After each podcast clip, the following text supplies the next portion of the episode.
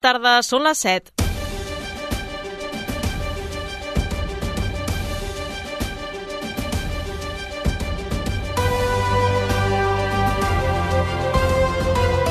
Notícies Vespre.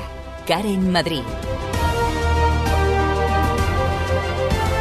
Nou gir en el cas de l'assassinat d'Helena Jubany. Ara el jutge decideix reobrir les actuacions contra el primer investigat, Santi La Iglesia. Helena Molís, bona tarda. Bona tarda. Després que el material genètic trobat al cos de la víctima no coincidís amb l'últim investigat, Xavi Jiménez ara reobre el procés per demanar mostres d'ADN a la Iglesia. N'ha parlat Benet Salelles, l'advocat de la família Jubany. Veurem quin serà el resultat d'aquestes proves d'ADN que es practicaran ara, però estem amb un, amb un material que hem pogut uh, obtenir no, l'any 2022 que no havia estat valorat en el moment inicial i que pot ser una prova absolutament determinant de cara a resoldre el cas de l'assassinat d'Helena Jovany. Tot i aquest pas, Xavi Jiménez es manté com a investigat perquè se li atribueix l'autoria dels anònims que va rebre la víctima. Els horts il·legals de Can Llong i Cifuentes tenen les hores comptades. Avui han començat els treballs per desallotjar-los. Les màquines han començat a enderrocar avui les construccions d'aquests terrenys que a llarg termini s'han de convertir en habitatge social. D'aquesta manera es vol posar fi als problemes de sorolls, brutícia i altres actes incívics detectats a la zona. I en esports, Adrián Hortolà ja ha disputat els seus primers 90 minuts com a porter del centre d'esports. Després de dues suplències consecutives, el de Xàbia va ser el millor en la derrota per 1 a 0 del Sabadell al camp de l'Eldense. Tot plegat, malgrat que Hortolà feia 5 mesos que no jugava un partit oficial. Aquestes i altres notícies les repassarem en la pròxima mitja hora amb el Toni González a les vies de so. Notícies Vespre. Tota la informació a Ràdio Sabadell. Els serveis. Aquesta hora, situació molt complicada a la xarxa viària més propera a Sabadell. Trobem problemes a la C58, 3 quilòmetres de retencions a Montcada en sentit Barcelona. També a Montcada, però ja a la C33, 2 quilòmetres i mig més de cues en sentit sud. I a l'AP7 hi ha 2 quilòmetres de retencions a Barberà també en sentit sud.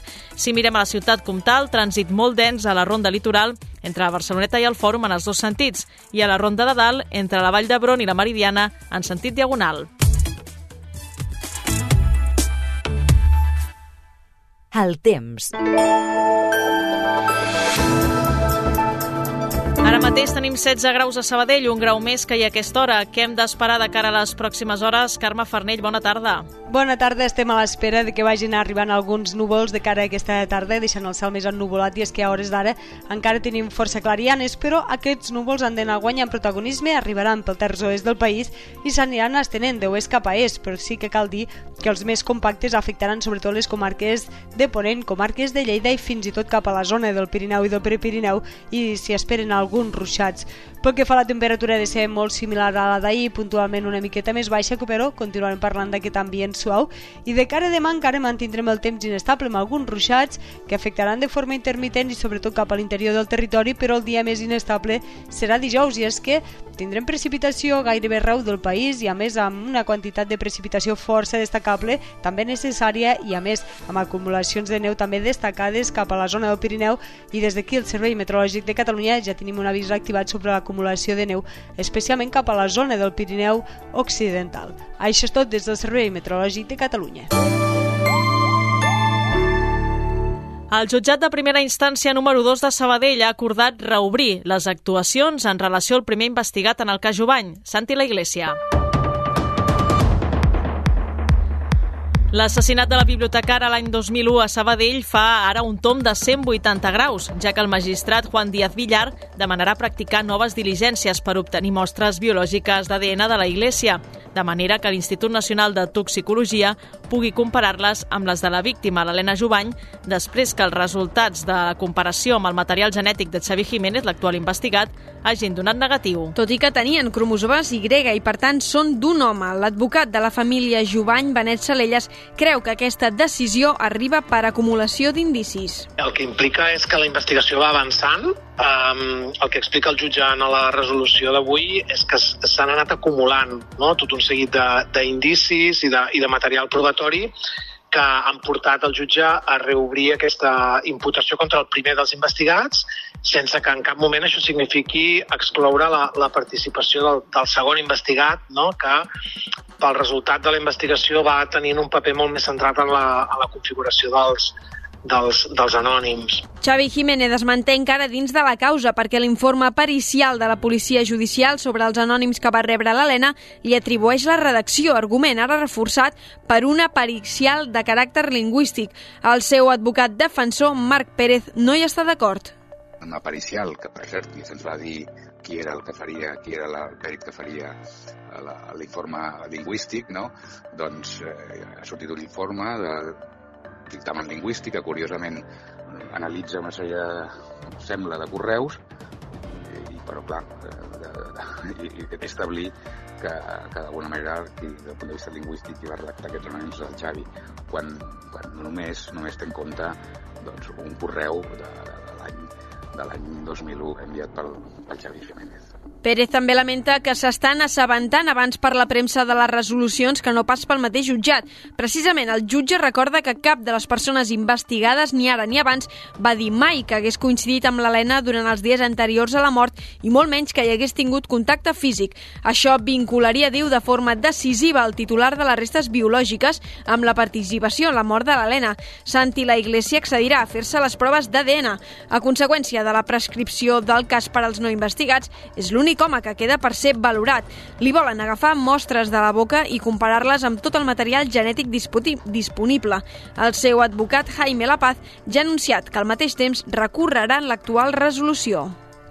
Bueno, en principi és un recurs que és, és, és, no és suspensiu, que és devolutiu i, i probablement sí, tindria que, que continuar mm, fins que no, encara que no s'hagi resolt el recurs, el jutge podria fer proves i, i practicar aquesta diligència de, de l'ADN. Sí, sí, sí. De, de qualsevol cas, el meu client tampoc té eh, cap repart en que se li faci aquesta prova. Eh?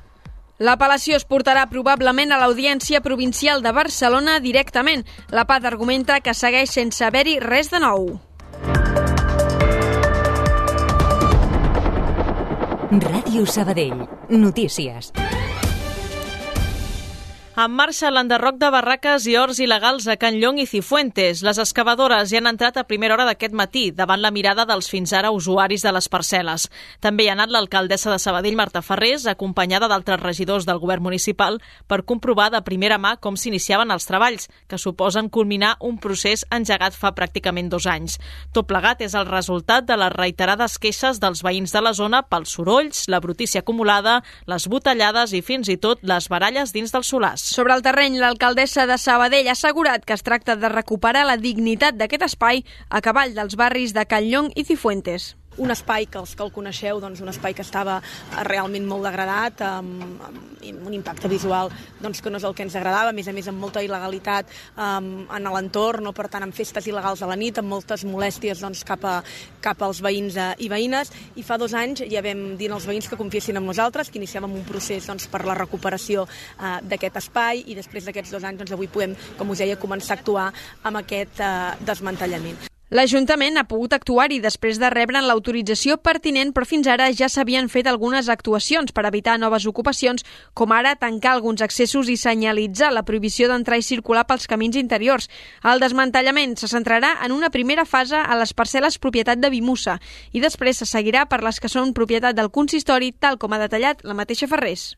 Començarem per primer lloc per les parcel·les de Bimussa, després ho extendrem també cap a parcel·les de l'Ajuntament, les que són privades, que no són nostres, doncs òbviament hauran de fer um, els privats, però molt important recuperar aquests espais, sobretot perquè les parcel·les que són de Bimussa és, són parcel·les que en un futur hi va habitatge de protecció oficial, per tant també teníem un enorme interès en poder-les recuperar. En els últims dos anys, l'Ajuntament de Sabadell ha fet diferents campanyes informatives als usuaris dels horts il·legals per fer-los saber que la seva situació era irregular i que tard o d'hora haurien d'abandonar els terrenys que és precisament el que ha començat a passar avui. De fet, els afectats s'han queixat que se'ls hagi avisat amb tan poca antelació i han criticat que se'ls hagi fet fora a tots quan només uns pocs han provocat problemes. Me da tristeza en el sentido, lo vuelvo a decir, hay recuerdos bonitos, eh, todos son buenas personas y por culpa de algunos no es justo que paguen el resto, ¿no? Yo sé que el ayuntamiento también tiene aquí en Caña, pero lo que tienen que hacer es coger todos los que han hecho de todo esto hace jaleo, hace fuego y hace todo lo que eso,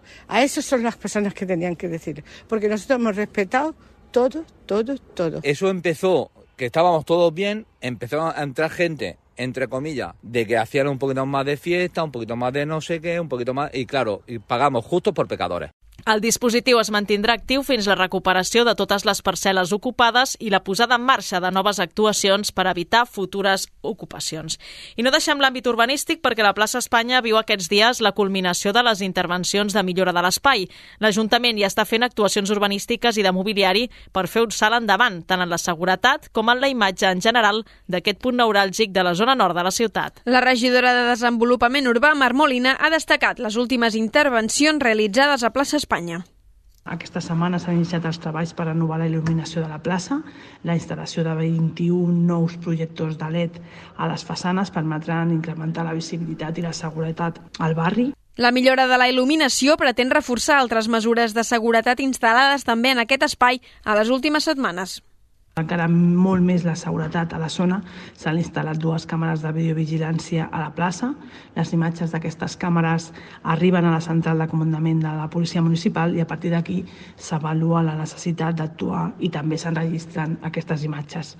La seguretat a la zona és completa amb les inspeccions i controls periòdics que es fan als establiments. Sí.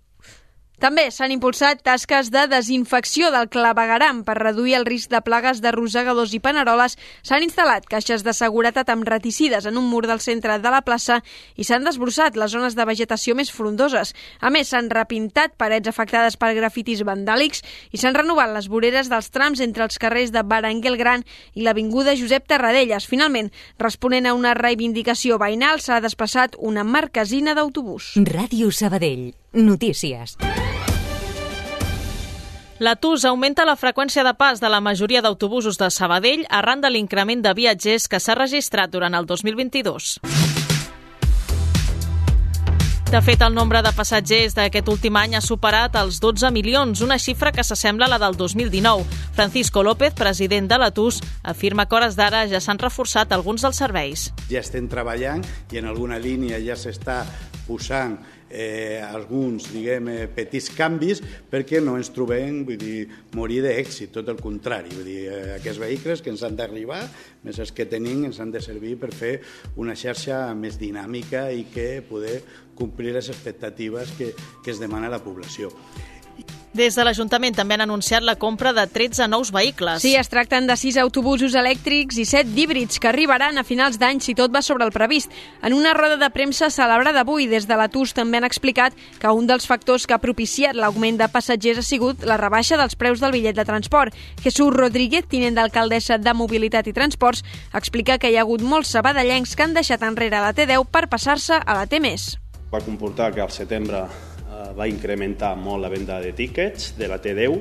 Sí que és veritat que posteriorment va baixar una mica, però va haver un trasbals de, del que era la T10 cap a la T més i la T més jove, que és una realitat, que estem en un canvi de, de paradigma en el qual les persones que són usuàries eh, no esporàdiques sinó fixes estan canviant la T10 per una T més des de l'Atus també afirmen que mica en mica els sabadellencs es van passant a la T-Mobilitat, que ha registrat un increment gradual d'usuaris. Encara en mobilitat, la campanya contra el quart cinturó escalfa motors de cara a la manifestació que diumenge ha convocat a Sabadell en contra de la infraestructura. El portaveu de la plataforma, Toni Altaió, espera que hi hagi una participació massiva a la protesta perquè, segons diu, el projecte genera una gran oposició al territori. Les manifestacions, les declaracions, les intencions relacionades amb la recuperació d'aquest vell anacrònic projecte de quart cinturó han reactivat eh, moltes persones en l'àmbit del Vallès amb caràcter transversal. I si més no potser que hi ha una certa inquietud. És evident que nosaltres convidem a totes les persones que són sensibles amb la protecció del territori que defensen una major inversió xarxa de transport col·lectiu El Talló ho ha dit aquest matí en una entrevista al Cafè de la Ràdio, la qual ha reiterat que el quart cinturó forma part d'un model anacrònic de mobilitat i afirma que cal apostar per incrementar l'oferta de transport públic entre Sabadell i Terrassa. Sobre l'enllaç viari entre la ciutat i Castellà, el portaveu de la plataforma s'ha mostrat partidari de tirar-lo endavant en paral·lel a una millora del transport col·lectiu entre les dues poblacions. Des de Ciutadans també s'han posicionat avui sobre la B40, defensant la infraestructura soterrada per alleugerir el trànsit a la ciutat. José Luis Fernández, portaveu de la formació a l'Ajuntament, ho ha apuntat al cafè.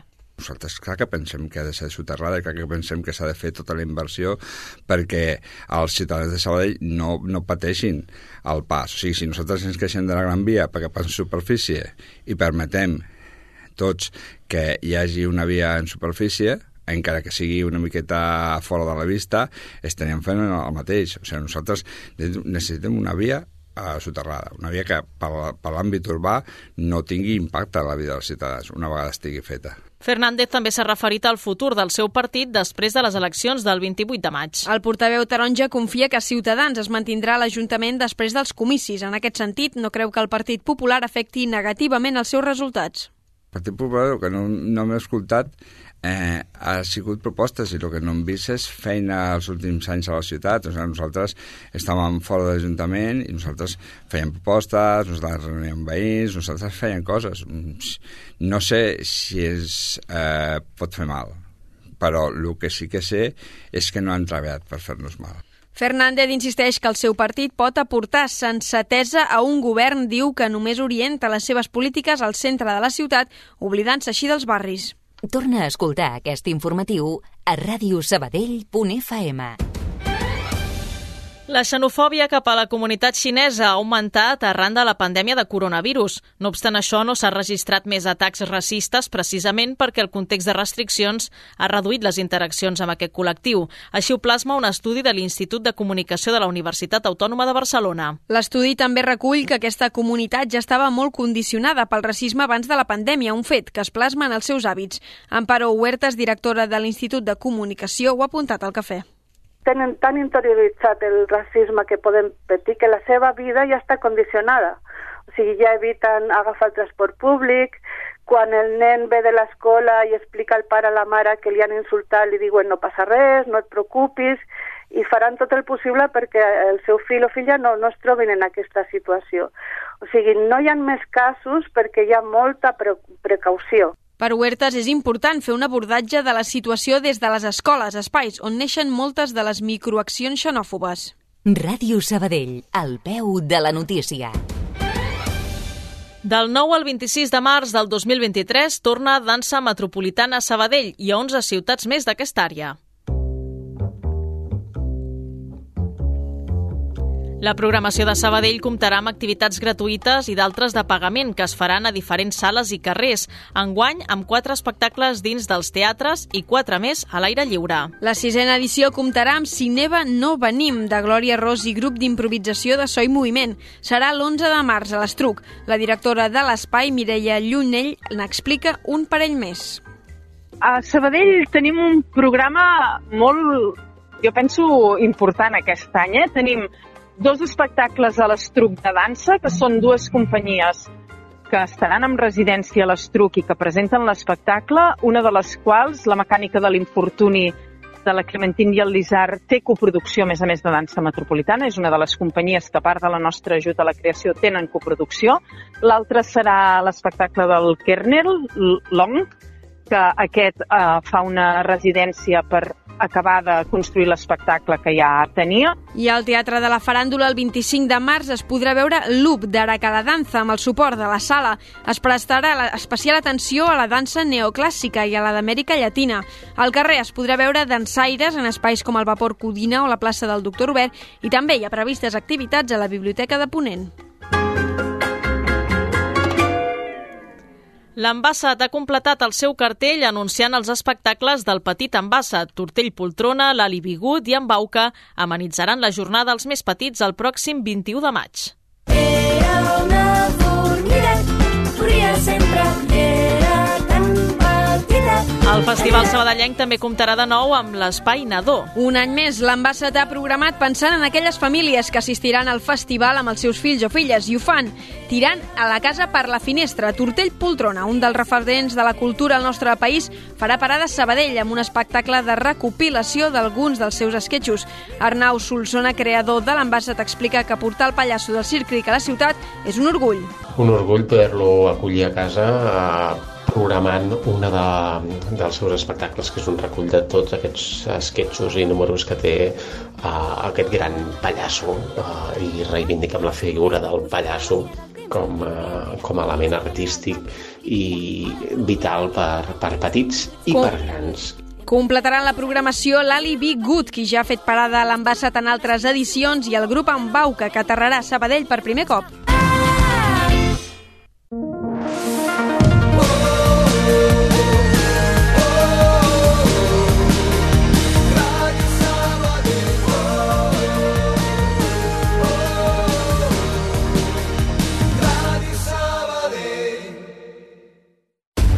Busquem el sabadellenc de l'any. Ens ajudes a trobar-lo? Laura Andrés, Maria Antònia Cavistany, Caral Castellet, Antonio Martos o Tomàs Pladevall. Entra a la pàgina web de Ràdio Sabadell i vota la persona més destacada de la ciutat d'aquest últim any, fins al 14 de març a les 12 de la nit. Segona edició del Premi Sabadellenc de l'any. Organitza i Sabadell amb la col·laboració de Ràdio Sabadell. Ens ajudes a trobar-lo? Ràdio Sabadell. Notícies vespre. Fora de Sabadell i la comarca. L'Audiència de Barcelona manté Dani Alves en presó preventiva per agressió sexual, tal com demanava la Fiscalia i l'acusació particular. L'exjugador del Barça es troba intern a Brians 2 des del 20 de gener passat per una suposada violació a la discoteca Saturn de Barcelona. La seva defensa va presentar dilluns un recurs demanant la llibertat amb mesures cautelars, com ara una fiança, la retirada del passaport, la compareixença periòdica al jutjat o la col·locació d'una pulsera telemàtica per controlar els seus moviments, una petició que el tribunal ha denegat. El govern obre una línia extraordinària d'ajuts al lloguer per menors de 36 anys dotada amb 6,7 milions d'euros. La convocatòria serà exclusiva pels més de 3.600 sol·licitants que es van quedar fora del bo jove. Així doncs, el nou ajut extraordinari que s'obrirà aquest dimecres tindrà les mateixes característiques que la convocatòria que es va fer al setembre per complementar el bo lloguer jove de l'Estat. I el nombre d'accidents mortals a les carreteres de la Unió Europea s'ha reduït un 10% en l'últim any en comparació amb el 2019. Segons dades de la Comissió Europea, 20.600 persones en moren accidents a la carretera, és a dir, 46 per cada milió d'habitants. A Espanya s'han notificat 36 víctimes mortals per cada milió d'habitants durant el 2022 per sota la mitjana europea. Esports.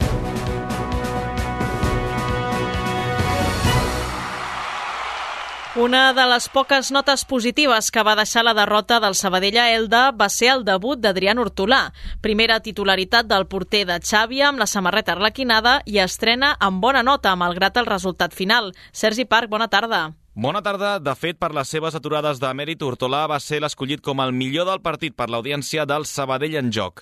Res va poder fer amb el gol de l'Eldense, recordem, de penal. Per tot reconeix el valencià, que va ser una primera aparició agradolça. Molt content per, per tornar a jugar un partit després de, tant de temps i bueno, una, amb una mica dolgut per, per la derrota, ja que penso que l'equip ha fet molt, molt de mèrits per a, almenys puntuar un, un punt, però bueno, al final decisions que no depenen de nosaltres eh, se'ns escapa puntuar aquí al camp del líder, però, però bueno, hem de continuar, crec que la línia de treball és molt bona de l'equip i crec que s'ha vist que, que hem dominat la segona part i hem de seguir amb aquesta línia. Hortolà no jugava en partit oficial des de feia 5 mesos, ja que amb el Deinze belga, el seu últim equip abans d'aterrar a la nova Creu Alta en el mercat hivernal, va saltar per últim cop sobre el terreny de joc al setembre. Més que probablement Hortolà va passar pel, pel filtratge del Big Data perquè la direcció esportiva apostés per la seva figura. Les estadístiques i dades de rendiment a tots els nivells estan en creixement en el món del futbol i el Sabadell també en fa ús des de fa uns anys. Jordi Terrés és l'encarregat d'aquesta parcel·la des de l'època José Manzanera com a director esportiu i la seva feina es basa en tres camps. El d'analitzar les dades dels rivals de cada setmana, les dels mateixos jugadors del Sabadell per comprovar les seves virtuts i mancances i també, com explica ell mateix, ajudar a l'hora d'incorporar jugadors en el mercat. et serveix per un filtratge sobretot de quan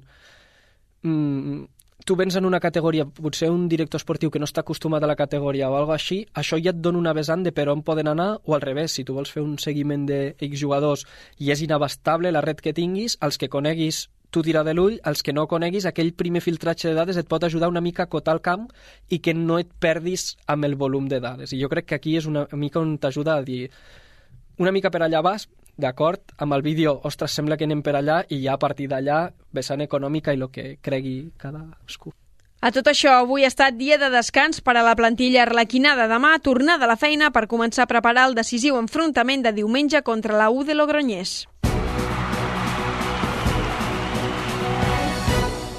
Mentre que el primer equip del centre d'esports no va poder trencar la mala dinàmica de les últimes setmanes, el juvenil Arlequinat sí que es va retrobar amb la victòria. Els Edu San José van superar a casa 3 a 1 al Constància. Per acabar amb la ratxa de tres derrotes consecutives i quatre partits sense guanyar, el Sabadell juvenil va haver de remuntar el gol inicial dels Balears. Adrià Petit i Quim Utges acabarien donant la victòria al centre d'esports a la segona meitat. Ara l'equip d'Edu San José és desè a la classificació de la divisió d'honor i es torna allunyar de la zona de perill. Per Petit haurien d'haver aconseguit més punts dels que tenen pel joc desplegat. Estem, jo crec que en un molt bon moment perquè portem ja diverses setmanes aconseguint ja crear moltes més ocasions de les que estàvem acostumats a crear i això és símbol d'algú que està passant bo perquè de, de, no, de tenir poques oportunitats a tenir moltes pues, hi ha una gran diferència i, i tenir tantes oportunitats eh, pues, al final ens fa crear més ocasions i, i més oportunitats de gol i, i, i per aquesta part estem molt contents perquè és una, una cosa que havíem de millorar. El pròxim compromís del Divisió d'Honor Arlequinat serà al camp del Nàstic de Tarragona, el penúltim classificat. I obrim bloc poliesportiu en futbol sala, pas enrere del Natació Sabadell en les seves aspiracions de classificar-se per la zona de play-off. L'intent de remuntada a la pista del líder de segona B, el Cerdanyola, es va quedar curt i els nedadors van caure per 6 a 4 a Guiera. Al descans, els d'Adri Sánchez ja perdien 3 a 0 i a la segona part, tot i retallar distàncies fins i tot marcant un gol en inferioritat, el club ja no va poder sobreposar-se a una nova nova expulsió, la de Pepe Font, per unes polèmiques mans. Pablo Robert va ser el millor de l'equip amb un doblet. No ens van fer ja creuar els braços perquè realment estàvem tenint, estàvem tenint impacte en el partit, o sigui, estàvem tenint ocasions, estàvem tenint tot, i, i això no, no va ser una, una senyal de dir i pues, el, el 3 a 0 que marxem al, al descans no va ser cap mena d'impediment de sortir a la segona amb, amb ganes de remuntar, no? Ara el club es troba a 7 punts de la zona de privilegi, mentre que l'Escola Pia se situa a 4 de la salvació. Els de Pedro Donoso, amb la victòria balsàmica 2 a 1 contra l'Indústries B, han evitat despenjar-se del tot de les seves opcions de continuar a la categoria de bronze. Lenny Ramos va marcar un dels dos gols escolapis. Sabíamos lo que había que hacer, que era defender bien, eh, no tener errores atrás y ir fuerte al balón y cortar jugadas claves. Eso era lo principal. Y yo creo que lo hicimos y, y dio sus frutos. Abans de reprendre la Lliga el cap de setmana, és torn de nou per a la Copa Catalunya. Dissabte a les 8 del vespre, la Pia visita la pista del Castellterçol. Sabadell té el campió de Catalunya de billar anglès. La ciutat va acollir diumenge la fase final de la Lliga Catalana Individual de Black Ball al bar Pit Lane amb la victòria del billarista del centre de ciutat, Axel Aliaño. Es va convertir així en el més jove a assolir el títol amb tot just 23 anys. Aliaño és un dels punters en l'especialitat a casa nostra, però ell mateix destaca el gran nivell que hi ha entre els billars billaristes de Sabadell. També s'ha de recalcar que a Sabadell hi ha molt bons jugadors, com és l'Eloi Alonso, que, que va jugar en la final, que és a Sabadell també, i el Pere Alcázar, que és l'actual campió del rànquing, i bueno, eh, a Sabadell tenim molt bons jugadors. Al Mundial de, de França, a l'octubre, els sis de menys érem de Sabadell. Vull dir, Sabadell és la cuna del, del Blackball. Un alianyo que el passat mes d'octubre va participar al Mundial de França, que van entre els 16 finalistes. Thank En ciclisme, dos sabadellencs participaran a O Gran Camino. Fa uns minuts s'ha confirmat oficialment la presència de David de la Cruz, que liderarà l'Estana, tot i que en un principi el d'Espronceda tenia a l'agenda el Tour dels Emirats, finalment ho farà a la Ronda Gallega. Per la seva part, Raül Rota correrà amb les files del Radio Popular Paredes Boavista. La cursa arrenca aquest dijous. I d'aquí uns minuts, el Panatlon Club fa entrega del tradicional Premi de l'Esportivitat al Casal Pere IV. Enguany, el guardonat serà Joan Barberà Soler pel gest que va tenir en un partit de tenis taula en què va corregir una decisió arbitral que en un principi la favoria i finalment va acabar perdent el partit. L'acte serà presentat pel cap d'antena d'aquesta casa, senyor Sergi Garcés. Gràcies, Helena. Bona tarda. A tu, Karen.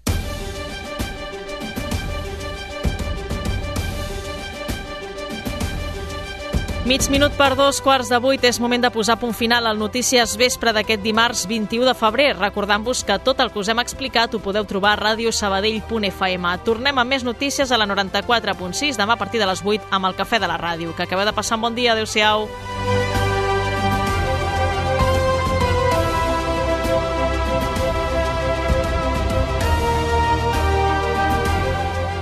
Allà on siguis, escolta'ns online. En directe.radiosabadell.fm